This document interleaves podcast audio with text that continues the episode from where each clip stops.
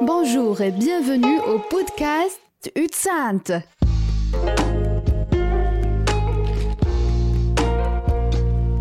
Au danser! au ka emisjon podcast la.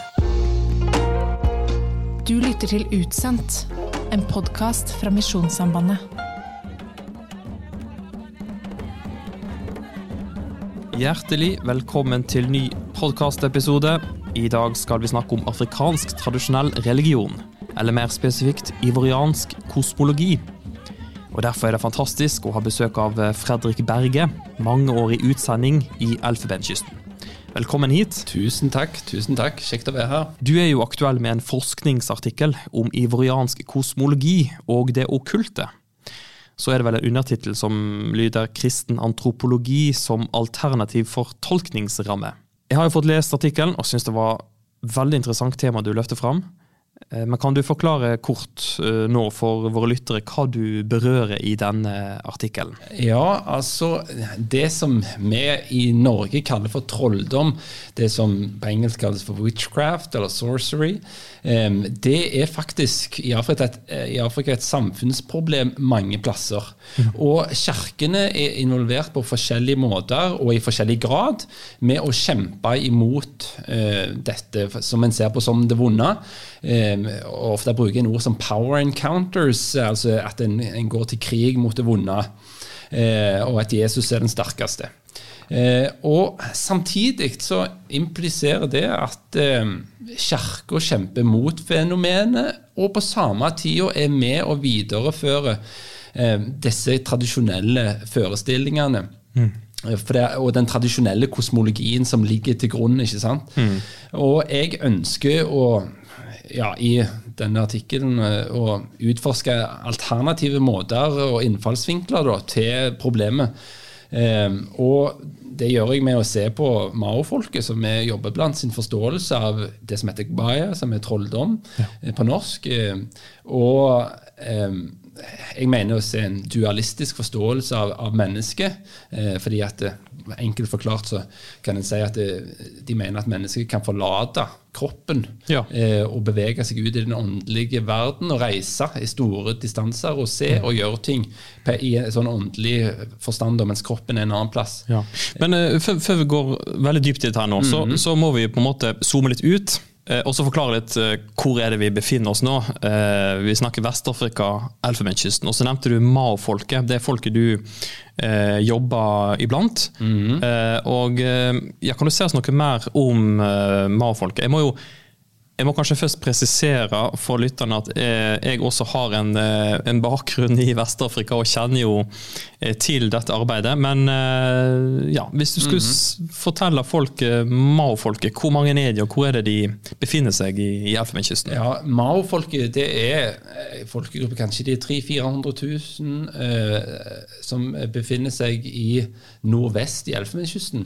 Og de hører til kanskje det som kalles mandé-befolkning, malinké-befolkning i Vest-Afrika, Ja. eh, som har på en måte forgreininger da, sant, hovedsakelig Mali, men òg alle de andre vestafrikanske landene har på en måte dis- malinké-befolkning. Så en tradisjonell eh, muslimsk eh, befolkningsgruppe som dyrker jorda, og det som en kan få fra jorda.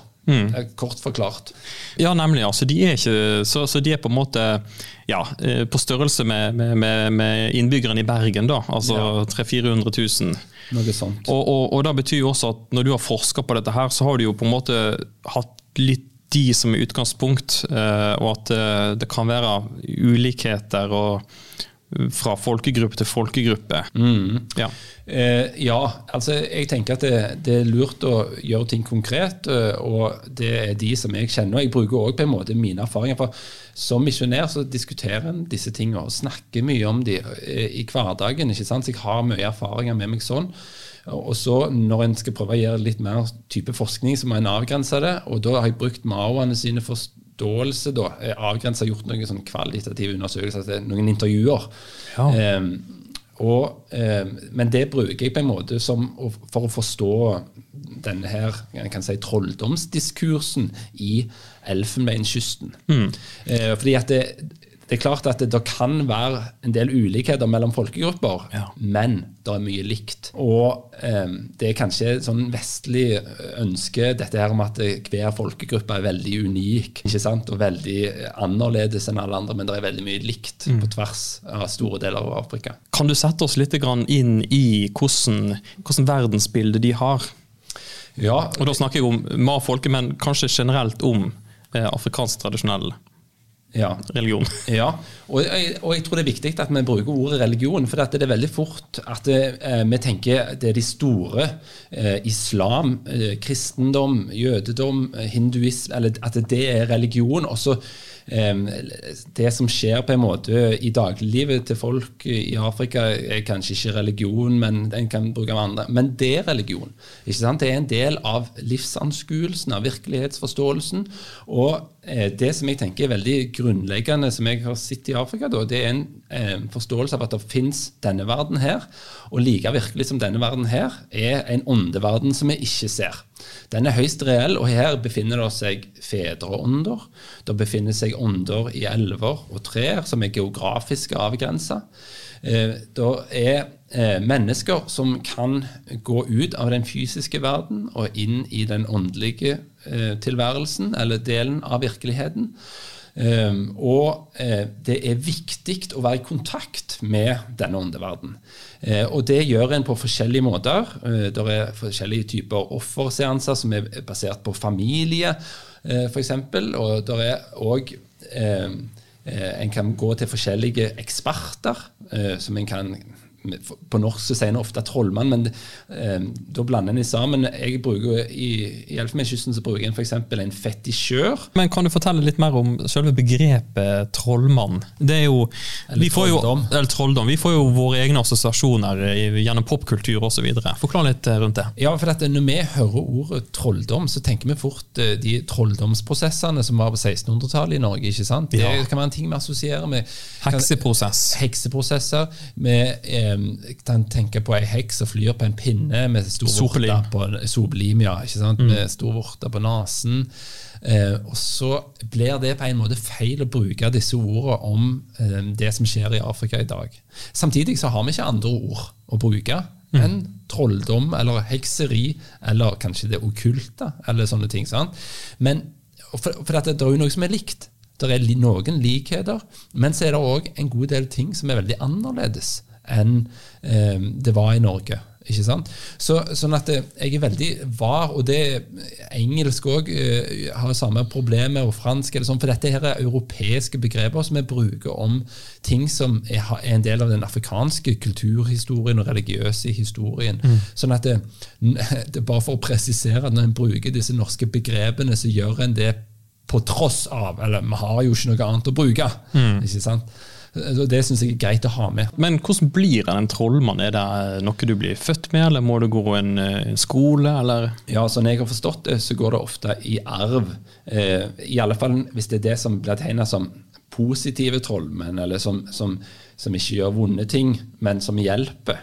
Eh, og at det kanskje bestefar din er en sånn type som har en sånn makt, og har kanskje en type fetisj, som vi sier, eller ei maske, eller sånne ting. Og så innfører han sønn eller barnebarn i hemmelighetene og i denne verden. Sånn blir han ofte initiert. Ja. Eh, sånn jeg har forstått det, i alle fall. Ja, for Fins det gode trollmenn? For Én ting er jo uh, disse som kanskje man forbinder med mer mørke krefter, da, men, men altså de trollmennene som, som vil godt, og som er der for å beskytte folk og, og sånn. Uh, ja, er det gode trollmenn?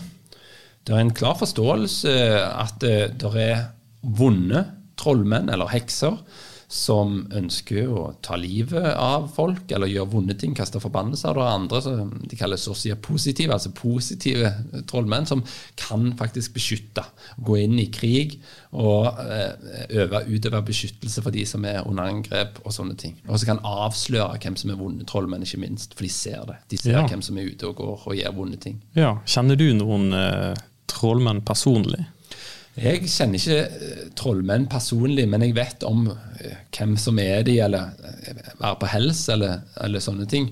For det er i forskjellig grad, og det er mange, og hvis jeg spør noen, så kan de jo peke ut den, det er den, eller det er den. Mm. Eh, så det er noe som, som, er, som er vanlig. Eh, men, men jeg, jeg har ikke noen gode venner eller sånne ting som er det, nei. Nei. Det har jeg ikke. Eh, Men er eh, interessant. Når vi zoomer litt ut og ser på, på, på bilder, så, så, så består denne, dette universet av ulike nivåer, der du har folk på første nivå, og så nevnte du et mellomnivå med fedreånder, og så er det vel småguder og, og litt sånn som da disse her trollmennene kan eh, få kontakt med. Så, så, så trollmennene kan være på en måte et mellomledd da, mellom mennesker og den andre eh, åndeverden. Ja, jeg vil si det at det, sånn jeg forstår det, ja, så har de kontakt med åndeverden og kan altså ånder eller forskjellige typer ting som gjør at de har en type makt. Eh, en kraft som de får fra åndeverden på forskjellige måter. Det er ikke alltid klart hvordan, eh, eh, men at de får en kraft og har en makt som gjør at det, i denne virkeligheten som vi befinner oss, så kan de gjøre mye og har også stor makt. Interessant. og det er jo, eh, sånn, som, sånn som jeg også har forstått det, så er det jo et tredje nivå også, hvor, hvor eh, på en måte det er den øverste gud, men som de da ikke når fram til. De må igjennom disse smågudene eh, for å nå fram til eh, skaperen. Er det litt sånn riktig forstått? Ja, det tror jeg det kan være. For, for at det, og jeg vet, jeg vet ikke alltid hvor opptatt en er i sånn tradisjonell afrikansk religion å nå fram til skaperen heller. For, men det sånn er det jeg òg har forstått det, at, det, at det, det mellomnivået er det som er nærliggende, og som er det som en kan få kontakt med, men skaperguden, eh, den store opphøyde, den er langt vekke. Ja. Eh, så så det, det er noe sånn jeg, på den måten jeg har forstått det. Ja, Så trafikken går på en måte mest mellom eh, måte disse små, små åndene? Og, Ja, for, Ja. Det, for det er det som betyr noe i dagliglivet. Og, og afrikansk religion og virkelighetsforståelse, altså det handler om dagliglivet. Det er det som er viktig å få fram, tenker jeg. at det, eh, det har noe å si for sykdom og død. Det har noe å si for velsignelser. Det, har, det, det er reelle ting. Og samme også når kristendom, når en hører om, om kristen tro og sånne ting, så er det liksom Fungerer det? Er det virksomt i praksis? Er det noe som betyr noe i mitt liv? Det er på en måte det som er viktig. Ja. Nei, og det er jo, jeg tenker også at det er jo litt sånn forståelig for, for, for folk som lever i den kulturen at eh, skal du ha eh, håp, eller du, livet er avhengig om du får en god avling, eller at du, du, du trenger beskyttelse, ja, men så søker en da til det, til det nære, til de som man, man, man tenker kan hjelpe en. da. Ja, det er nettopp det. Og jeg tenker jo at vi kanskje her i Vesten vi musser litt det aspektet av synet. For en overlater ikke det til på en måte eh, det åndelige eller til Gud eller sånne ting. fordi at vi har forsikringer, vi har fast lønn. ikke sant? Og vi har, sånne, vi har innrettet oss på en måte som gjør at det går bra. ikke sant? I det meste av livet vårt. Eh, Så jeg tror kanskje det er en sånn stor forskjell på måten vi lever her. Måten en lever spesielt i sånn mindre landsbyer da der en er avhengig av avling. Ja. Men er ikke det da som gjør dette litt vanskelig også å, å relatere seg til, for at verdensbildet er så utrolig forskjellig. Altså fra la oss kalle det Vesten da, og mer afrikansk tankemåte. At det blir vanskelig å finne språk om det. For vi, vi, vi har ikke det, den, den tanken om ting. Eh, Det er Jeg erfarer og møter eh, dette og tenker at det, her er det store forskjeller. Er mennesker, så det er mye likt imellom oss. Men, men måten vi forstår verden på, er enormt forskjellig. Og det er vanskelig for meg eh, å sette meg inn i eh, denne måten å forstå verden på. Eh, at eh, sykdom og død eh, f.eks. er noe som årsaken er skal vi si, relasjonell. Eh, grunnen til dette finner, tenker en finner seg ofte i mellommenneskelige relasjoner. At eh, en død det er forårsaka av en person eh, som kan være i nær familie eller forskjellige ting, eller sykdom, eller at det er noen som vil meg vondt. Eller, eh, og ja, så, så, så jeg, Det var jo det som er litt av utgangspunktet også for å begynne å se på dette, undersøke det, og prøve å forstå mer. For jeg bor jo iblant eh, dette folket, og en må gjøre det en kan, tenker jeg, for å prøve å forstå hverandre. Eh, så det har vært spennende, og det er, en, det er et stort gap mellom, på dette området mellom min, det jeg er vokst opp med, og det jeg møter.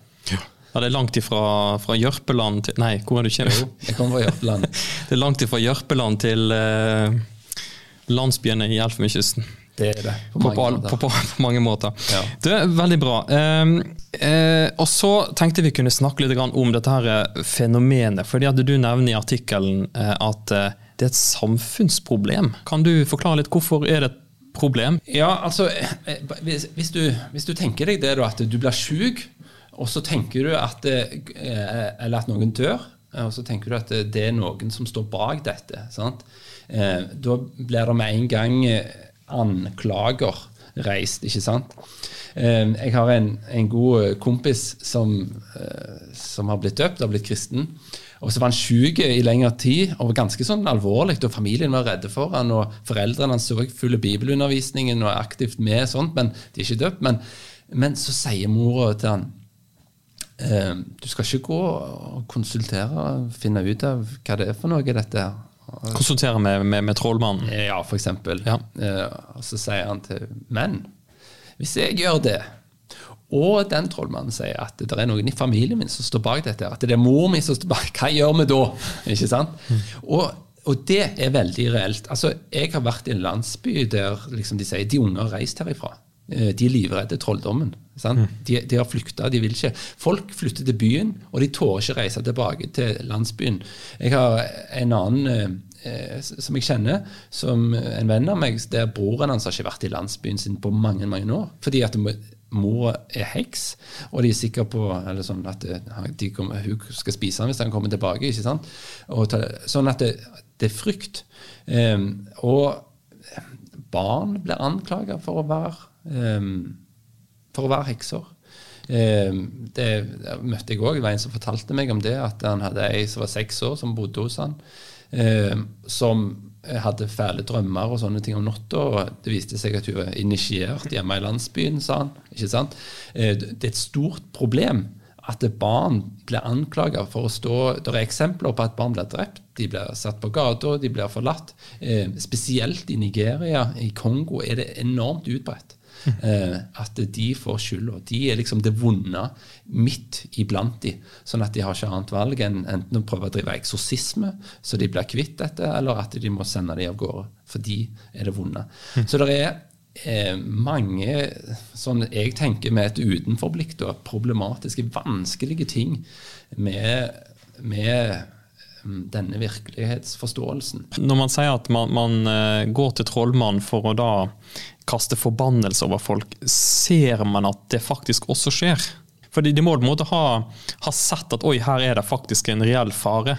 Ja, altså Hvis du spør eh, ivorianerne eh, om dette er ekte, om de har sett det, så kan de fortelle eh, all slags historier om hva de har sett, og hvordan det er ekte, og hvordan det manifesterer seg i livet. sant? Eh, og så, eh, så, Sånn at det, det er ikke tvil om at det, Hvis jeg kommer for eksempel, og sier men dette her er bare tull, eller sånn, så, så jeg liksom, har jeg avskrevet meg sjøl med en gang. Jeg, er- jeg er nødt til å forholde meg til dette på I alle fall ta det alvorlig. sant?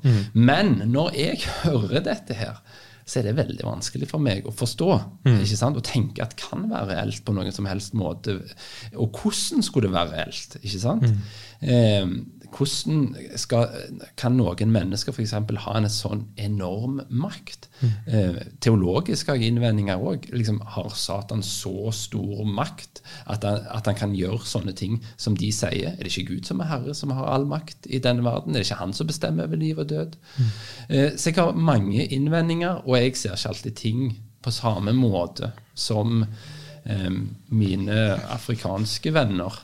Eh, men jeg kommer utenfra. Det er min inngang. Ja, Men, men for, for jeg tenker jo, holdt på å si, ikke teologen i meg, for jeg er ikke noen teolog, men søndagsskoleeleven tenker jo at vi har jo lest om at Jesus sjøl måtte forholde seg til åndeverden og dreiv ut ånder og sendte de inn i grisene, leser vi.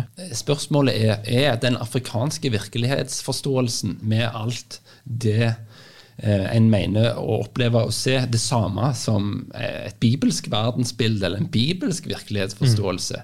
Og Der tenker jeg at eh, Bibel og teologi kan korrigere både vår virkelighetsforståelse ganger og absolutt òg afrikansk virkelighetsforståelse. Det er en nigeriansk bibelforsker som sier at han har aldri sett eh, at eh, i Bibelen at det står at andre mennesker står bak på en måte i mystisk forstand. Mm. Lidelse og død eh, hos andre mennesker. Eh, eller den type ting som en sier om hekser. Han sier det har jeg ikke sett. Det, det, det befinner seg, Men allikevel så mener alle, veldig mange afrikanske kristne at det befinner seg i Bibelen, at Bibelen er full av det. ikke sant?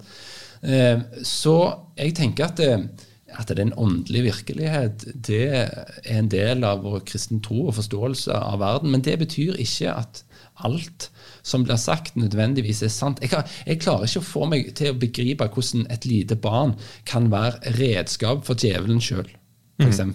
mm. Hvis en tar et sånn ekstremt eksempel. Men ofte så klargjør det ting, da. ikke sant? Eh, det kan jeg ikke være med på. Jeg kan være med på at uh, Satan frister oss til å gjøre vonde ting. Eh, Sånn som han gjør i Edens hage. Han kom til Eva, og så sier han har Gud virkelig sagt, og så får han mennesker til å gjøre vonde ting.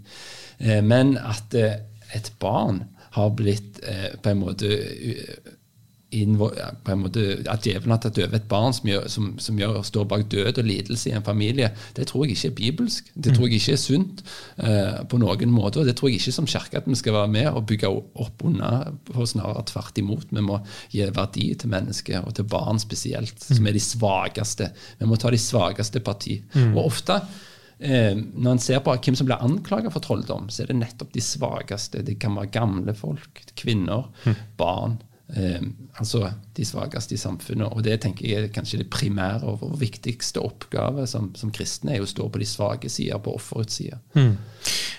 Men ok, men la oss, la oss uh, uh, snakke litt om kirka sin rolle mm. oppi dette her. Uh, la oss først bare definere hva er, det, hva er, det, du tenker på når du sier kirka? Altså den lokale kirka som Misjonssambandet Eh, samarbeider med, eller hva? Eh? Nei, nei altså det Misjonssambandet og samarbeidskirka i Elfenbenskysten er veldig eh, smått og mm. lite. Vi jobber blant muslimer, så det er litt og litt. Men altså sørover i Elfenbenskysten, og rundt om i nord, altså, men så, så er det enormt mye kirker. Sant? Store kirker. Og spesielt det som kalles for nypentakostale eh, kirker brer om seg og har gjort det i mange år. Altså karismatiske eh, Karismatiske og pinsevenn-type ja. kirker og sånne ting. da. Eh, det brer om seg. Så, og det er enormt mange forskjellige typer kirkesamfunn og forskjellige kirker. ikke sant? Så det er jeg har vært opptatt av den større eh, konteksten okay. da, når jeg snakker om kirka i Elfenbenskysten. Ja.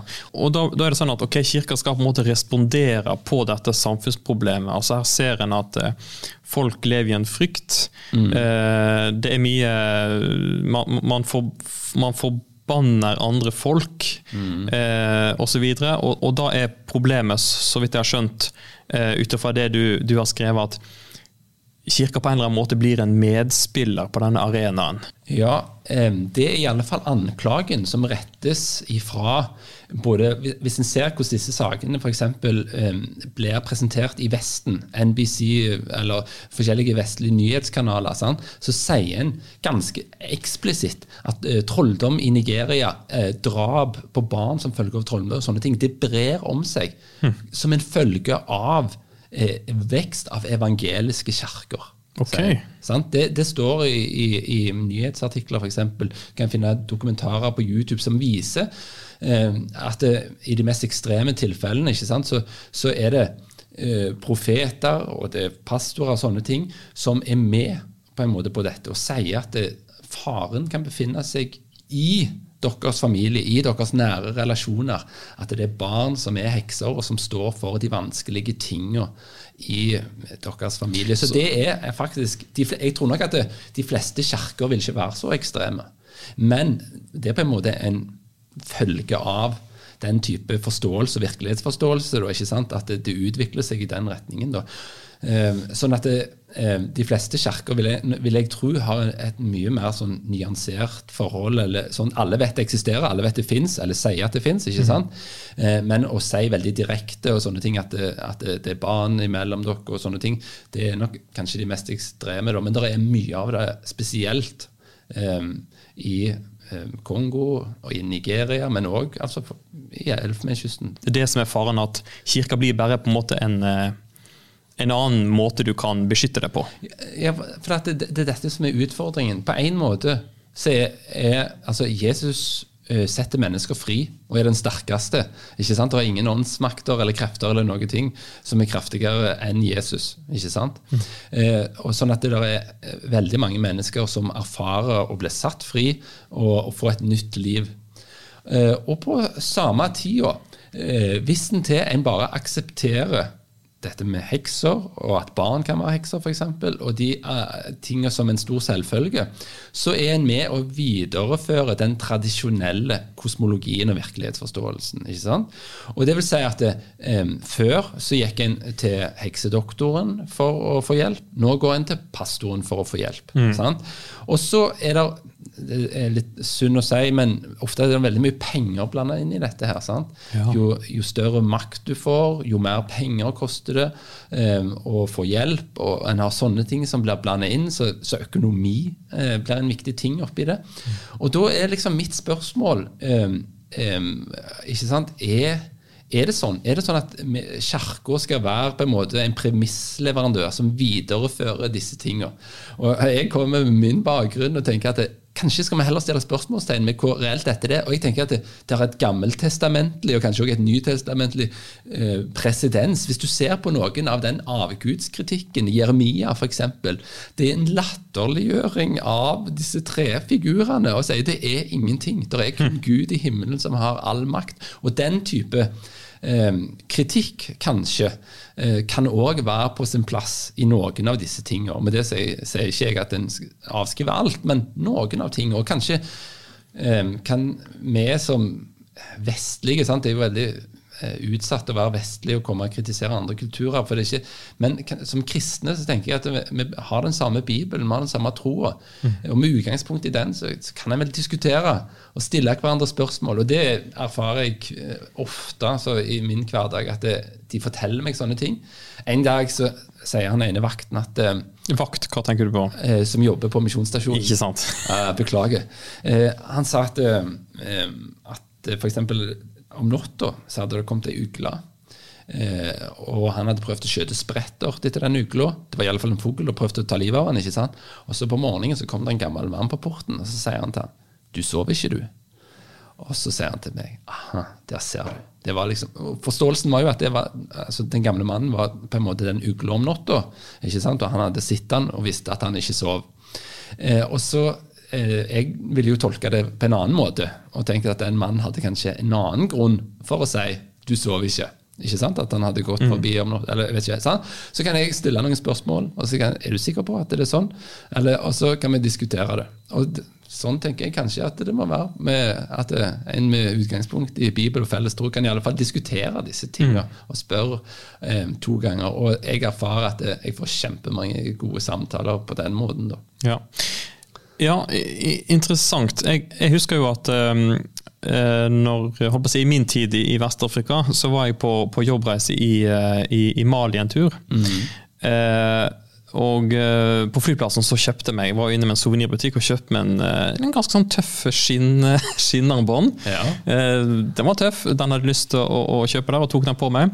Og kom da tilbake til Elfenkysten, og da var en av mine kolleger som sa at å ja, jeg ser du har fått kjøpt deg noe nytt der. Ja, ja, var ikke en kul? Eh, den anbefalte de at jeg tok av, fordi at det eh, å gå med et sånt armbånd kunne bli assosiert med amulett og litt sånn, da. Eh, og jeg veit ikke om, om vedkommende på en måte tenkte at ok, det er en amulett, eller om han bare ville liksom hjelpe meg å være kultursensitiv. Men eh, hvordan er det med disse som eh, i Elfenbenskysten, de som du kjenner til, som da konvent, konventerer til kristendommen? Ja, hvordan blir deres liv? Klarer de på en måte å snu helt om, eh, eller er det noe som fortsatt eh, sitter i de av den eh, tradisjonelle religionen? Eh, Både i Elfenbenskysten og i Norge og gjennom kirkens historie så har det alltid vært sånn at eh, en blir omvendt til Jesus og blir kristen, men en er fortsatt et resultat av hele det livet en har levd fram til da. Det er det, sant? Eh, Jeg i dag er et resultat av alle mine erfaringer og alt jeg har møtt og gjort til nå i dag. Og sånn er det selv om en blir kristen òg.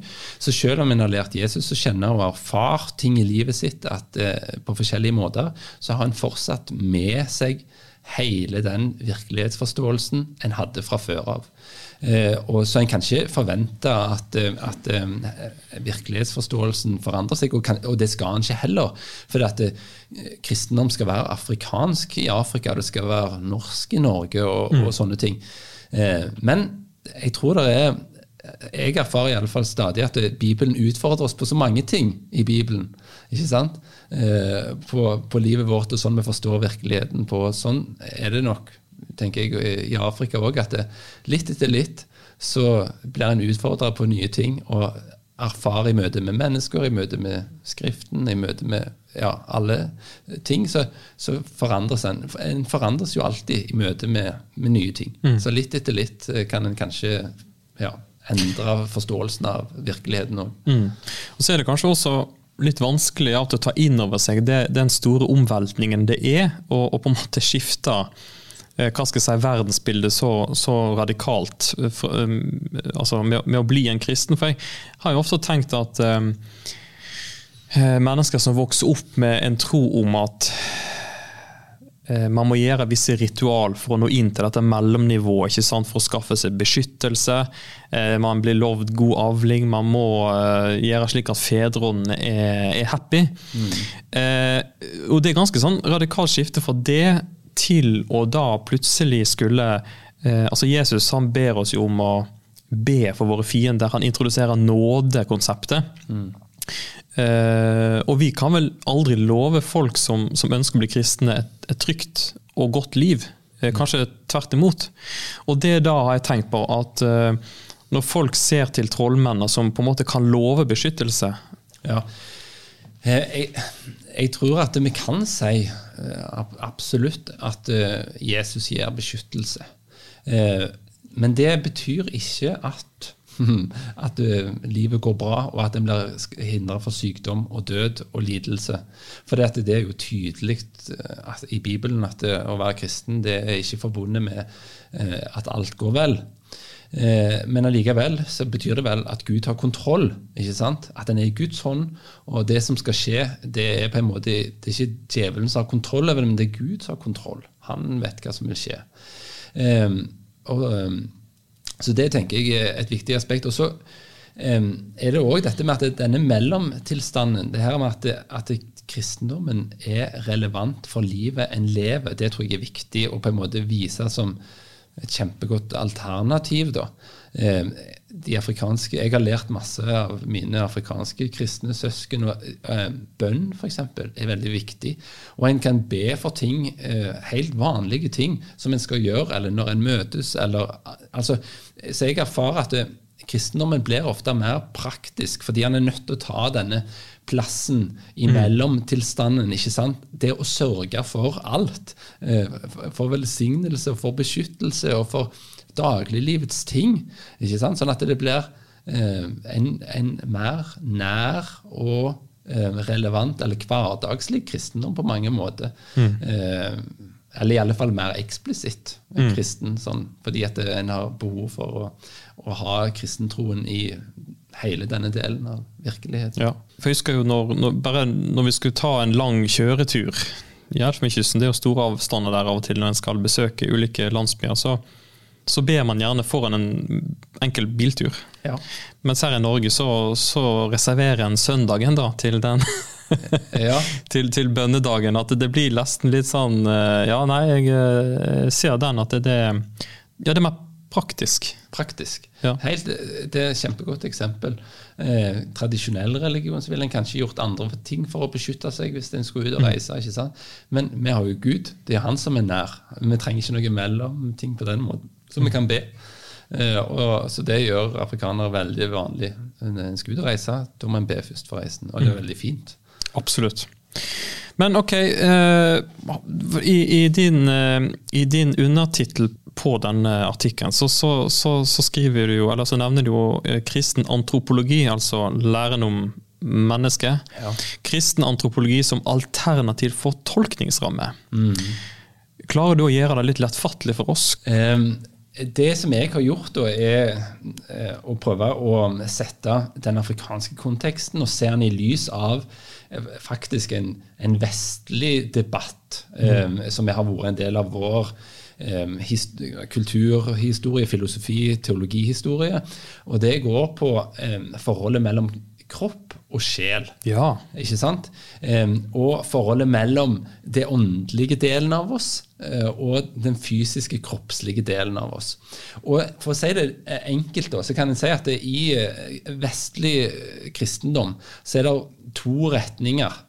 Den ene delen det er at um, som går fra Platon er at sjelen er Et bilde han bruker, er jo at det, som en kusk ikke sant, kjører jo hestevogn. Ja. ikke sant? Sånn at sjelen kan forlate, Frelse for Platon er jo at sjelen kan forlate kroppen og sveve til en immateriell, altså en ikke-kroppslig tilværelse i himmelen. Mm. ikke sant? Og den har eh, gått inn i kristendommen på mange måter. Og en sier at eh, når en dør, så skal en eh, på en måte sjela gå til himmelen og være sammen med Gud. Eh, men faktisk, i trosbekjennelsen vår så sier vi at vi tror på legemets oppstandelse fra de døde. Det fysiske og det kroppslige er helt grunnleggende i Det gamle testamentet og i Det nye testamentet. Og frelse er Altså det er en enhet? Ja. Frelse er kroppslig og fysisk. Ja. Og eh, sjelen er en integrert del. Det er livet i kroppen. ikke sant? Eh, sånn at det, det, henger sammen. Sjelen er en del av det kroppslige. Det fysiske og det kroppslige er på en måte helt sett i sammen. Og, det, altså, og, og at eh, den debatten der har jeg på en måte valgt å, å, å, dra litt med inn og tenke høyt med det afrikanske. ikke sant? Og så har jeg, har jeg sett likheter mellom det platonske eh, og kristne og, og den trolldomskosmologien, hvor en da har på en måte en, en eh, kan forlate kroppen i åndelig forstand mm. og reise ut og se og gjøre ting eh, og, uh, i en åndelig forstand. Altså, og jeg, Det tenker jeg som en dualisme. da, En veldig sånn, kraftig skille mellom Altså at der, i, i den uh, afrikanske tradisjonelle religionen der kan mm. man skille fysisk kropp og sjel, og de ja. kan operere Mm. Parallelt. Ja, for, eh, ikke sant? Trollmennene kan reise ut åndelig mm. uh, og se og gjøre ting uh, og agere.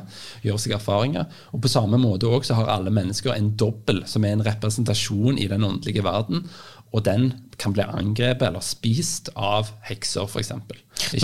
Bare for å ta det først. Når du sier mm. 'spist av ja. hekser' mm.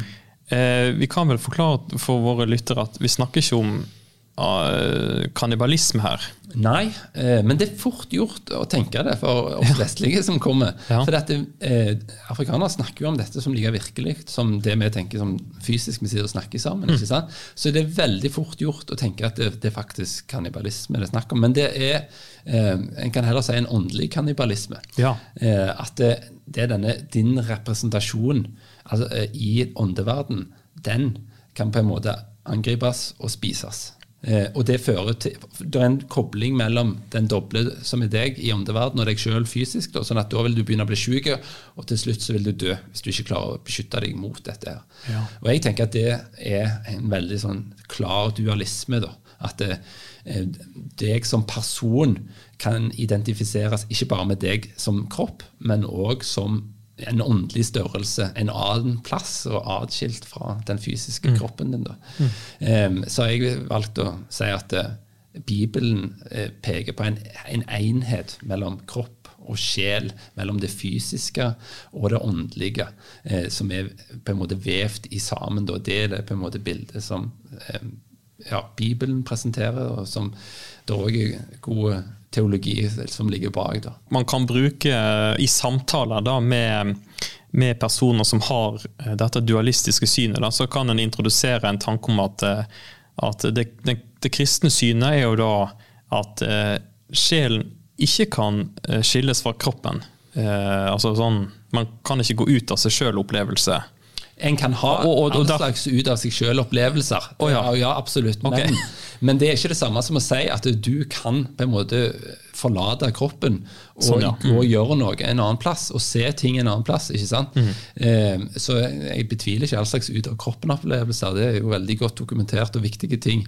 Eh, men det er denne her hva mulighet en har for faktisk at jeg, jeg trenger ikke være redd for at noen skal spise min doble, for det åndelige og fysiske i meg det er veldig godt sammenvevt. Det er det samme. at Det, kan, det er ikke noe i meg som kan angripes og spises i den åndelige sfæren. Og jeg tror heller ikke at, at en trollmann faktisk kan se, erfare ting eh, og gjøre ting i den fysiske verden fordi han har gått en plass i den åndelige verden. For det, jeg tror faktisk det er avhengig av kroppen. da. Eh, og at eh, ja, jeg bruker denne her argumentasjonen som jeg forklarte. Og så er det dette med fortolkningsrammer. Jeg tror det er veldig viktig, for at eh, vi ser ting som vi er på utkikk etter. Sant? Og, og oppfatter ting vi er på utkikk etter. Så hvis en til eh, du aldri har fått presentert en alternativ måte å se ting på, så kan det være vanskelig. Det er akkurat så, jeg vet ikke om du har sett den YouTube-filmen der de sier du skal se etter en spesiell ting, og så skjer det masse, og så får du ikke med deg apekatten som beveger seg over bildet. Eller, Ja, jeg, jeg tror jeg var borti noe sånt, ja. Ja. Sånn illusjons...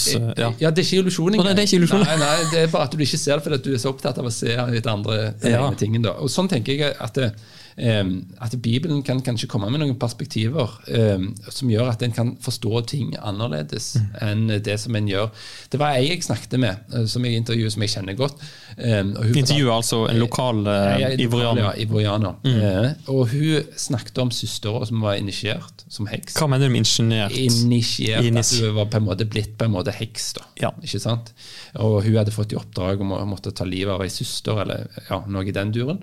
eh, I en sånn type forstand.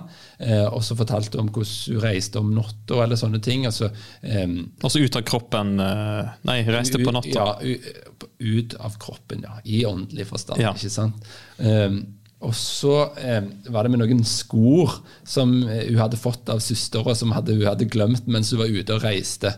Og så sier jeg, men hvordan går det an? Hun lå jo og sov i senga samtidig som hun reiste. Hvordan hadde hun med seg skoene, da? For de er jo fysiske, ikke sant? Og så ler hun litt, og så Ja, det kan du si, sier hun, ikke sant? Og så sier hun, så sier hun det at ja, hvis vi stiller spørsmålstegn med dette, sant? da sier de at da kan heksene komme og angripe sånn at vi virkelig får på en måte en slags straff. da. Ikke sant? Eh, så eh, jeg tror at mange òg stiller spørsmålstegn med disse fortellingene, men uten å ha på en måte andre stemmer å støtte seg på, og andre som, som viser en vei at det kanskje går an å forstå disse tingene annerledes, så er det ikke så lett. Ikke sant? Det er sånn en skal, har blitt lært opp at eh, ting er. Eh, og jeg tenker at det, kanskje kan det gå an å stimulere til å tenke eh, annerledes eller se ting på en ny måte. Da. Det har vært tanken min. da. Ja, også, men jeg, jeg tenker også det er en, en viktig ting vi bør kanskje også ta fram. For at man kan jo, eh, i mangel på, på mer kunnskap eh, herifra, så kan man kanskje tenke at, at uh, disse tankene om trolldom og alt dette er veldig sånn landsbyfenomen, men, men det er det jo ikke. Altså det er Altså her har vi eh, alle samfunnslag er på en måte uh, har røtter inn i, inn i dette tankesettet. Mm, det, og det er kjempeviktig. og Antropologer har vært opptatt av akkurat det. At det, en første så studerte en det som landsbyfenomen, og så på 80-tallet sånn, så oppdaget en liksom at det, dette her er jo altså Modernitet, byliv og de tingene der, det florerer like mye i byer. Og det går til topp i presidentpalasset. Eh, Og kanskje enda mer der enn andre plasser òg, fordi at det, makt og åndeverden henger sammen. Så alle har jo en, skjønner jo og forstår at det, hvis til du er president, eller hvis til du er en mann i maktposisjon, så har du på en måte òg makt i åndeverden. Eller da er det i alle fall viktig å pleie den delen av virkeligheten. Og Og, og her snakker vi altså om politikere som, som ofte har utdannelse fra Frankrike, faktisk. Og, Ja, ja, eh, men det er et viktig poeng, tror jeg. eh, At eh, ja, høyt utdanna politikere òg forholder seg til dette her. Dette er noe som gjelder alle. For alle samfunnsnivå, alle samfunnslag. Eh, Så er dette her en del av virkeligheten. Og i forbindelse med valg, f.eks., så er det helt klart at da er folk redde for ungene. For da vet de at, da sier de at unger forsvinner alltid i forbindelse med valg. ikke sant? Og Jeg trenger ikke forklare så mye mer hva som ligger bak det, men, men, men dette her er noe som De de gikk ut i One In, så har det gått ut varsler på skole av Griot, altså den lokale informasjonsmannen, eh, ikke sant, som sier nå er det fare på ferde, nå forsvinner unger, eller sånne ting. Eh, så det er faktisk en del av eh, virkeligheten som en må forholde seg til. Eh, Jeg besøkte jo en gang et eh, sånn eh, fetisjmarked. Ja. Eh, Det er da et sånt eh, Hvordan skal forklare det? Et marked der de selger tørka dyrehoder og litt forskjellig. Sånn da. Og, og han som var der, fortalte jo at her hadde det for ikke så lenge siden vært en kjent fotballspiller innom. For å da søke og skaffe seg noen remedier som man kunne bruke. Så, så det, det på en måte er i alle samfunnslag, og da syns jeg er, ja, det er interessant. Ja, det er eh, gjennomført eh, overalt. Kjenner du noe på dette mørket sjøl? Altså, for vi har jo snakka litt nå om at, eh, at her må vi på en måte skille litt ting. At, eh, at eh, ja, du, du skiller jo på en måte på ting, hva som er virkelig og hva som ikke. Men, men eh, ja, er det noe du tenker at det her forstår jeg ikke? Hjelpe meg. eh. Dette her var ganske mystisk. Ja, det er det. Altså, en kan jo si at det, det er masse Jeg elsker ivorianere og folk, og det er mye varme. Men det er òg disse tinga. Det er de tinga som er mørkt, og som er vanskelig. Og som jeg ikke forstår eller, eller begriper. Men jeg prøver å forstå. Um, og om jeg kjenner på det Ja, når, når en hører sånne historier, en hører erfaringer som folk har gjort seg, så gjør det enormt inntrykk på meg. Eh, og en blir grepet av det. Eh, sånn at det, dette her er og, og det er reelt i menneskers liv. Samme hvordan jeg ser på det, eller sånne ting, så er det så reelt. Når folk lever og tror på det og handler etter det, så, så er det i alle fall reelle ting i menneskers liv på en eller annen måte. Sånn at det, ja, det jeg kjenner på, det er at det, det er noe som gjør inntrykk. Du har jo intervjua en del folk i den eh, artikkelen din, eh, og, og der var det en historie som jeg tenkte Oi, dette var spesielt. Dette med Du kan sikkert forklare det, du kan jo fortelle om det sjøl, men, men at sykepleierne på sykehuset eh, også har en evne til å skille mellom hva som er mulig å gjøre noe med, og noe som er av, den, av en annen verden, da, for å si det sånn. Eh, Fortell gjerne litt den eh, Det var korte historien. en som fortalte om sin onkel, som var en type jeg tror vi må si en sånn eh, positiv trollmann, da, som hadde en maske og sånn type ting som gjorde at han kunne kjempe mot de vonde trollmennene. Og så hadde det vært et oppgjør eh, da i, eh, mellom trollmennene. Han var blitt skada, var blitt syk, og de tok ham med på sykehus. Og så sier han det at det, det var ei av sykepleierne der som hadde tatt noen av slektningene til side, og så hadde sagt at dette her er liksom ikke vanlig sykdom, da, men at det er i åndelig forstand, eller den type sykdom. Eh, og ikke sant, så kom resten av familien senere til sykehuset og sånn, og bekreftet at ja, det var jo akkurat det det var. ikke sant? Og, og, og jeg tror han døde. Eh, men det viser at eh, til og med de som er utdanna sykepleiere, eller kanskje leger, eller og har en forståelse av at eh, noen sykdommer er av åndelig karakter, mens andre sykdommer er eh, mer sånn skal vi si vestlig medisin. Ta en Paracet. Ta en Paracet vestlig medisinsykdom, ja. Mm. så, så på sykehuset så kan en møte det, forstår jeg. Ja. Det er jo òg spesielt. Jeg syns det var så bra eh, det var en, eh, Jeg vet ikke om det var du eller om du siterte noen andre, men dette her med at eh, at menneskene på en måte lever på, på, på scenen, mens åndeverden er backstage. Menneskene på en måte lever ut det som åndene bak styrer. Det som skjer i denne verden her, orkestreres Ja. bak forhenget på en måte. ikke sant? At det, det er der den reelle maktbalansen eh, og det som skjer, på en måte bestemmes da, og så eh, på en måte utfolder det seg her i dette livet. Ja. Ja, nei, det blir jo fort uh, Tida flyr her. Veldig spennende å, å, å, å snakke med deg, eh, Fredrik. Men, men sånn helt til slutt, har du mer en slags vitnesbyrd om at folk som på en måte har opplevd at eh, de har levd i en frykt, Men så har de på en måte fått, fått møtt det bibelske budskapet. Og, og Eh, en som jeg har fått jobbe mye sammen med, det er en som heter Chemoko, eh, og han er evangelist. Eh, og hans historie har gjort veldig inntrykk på meg. For han forteller at han uh, var han, altså han var i ånden som var besett han ei dameånd fra han var sånn 12-13, som på en måte ble kona hans i denne åndeverden. da, Som han erfarte når han drømte, ikke sant, når han sov eller sånne ting.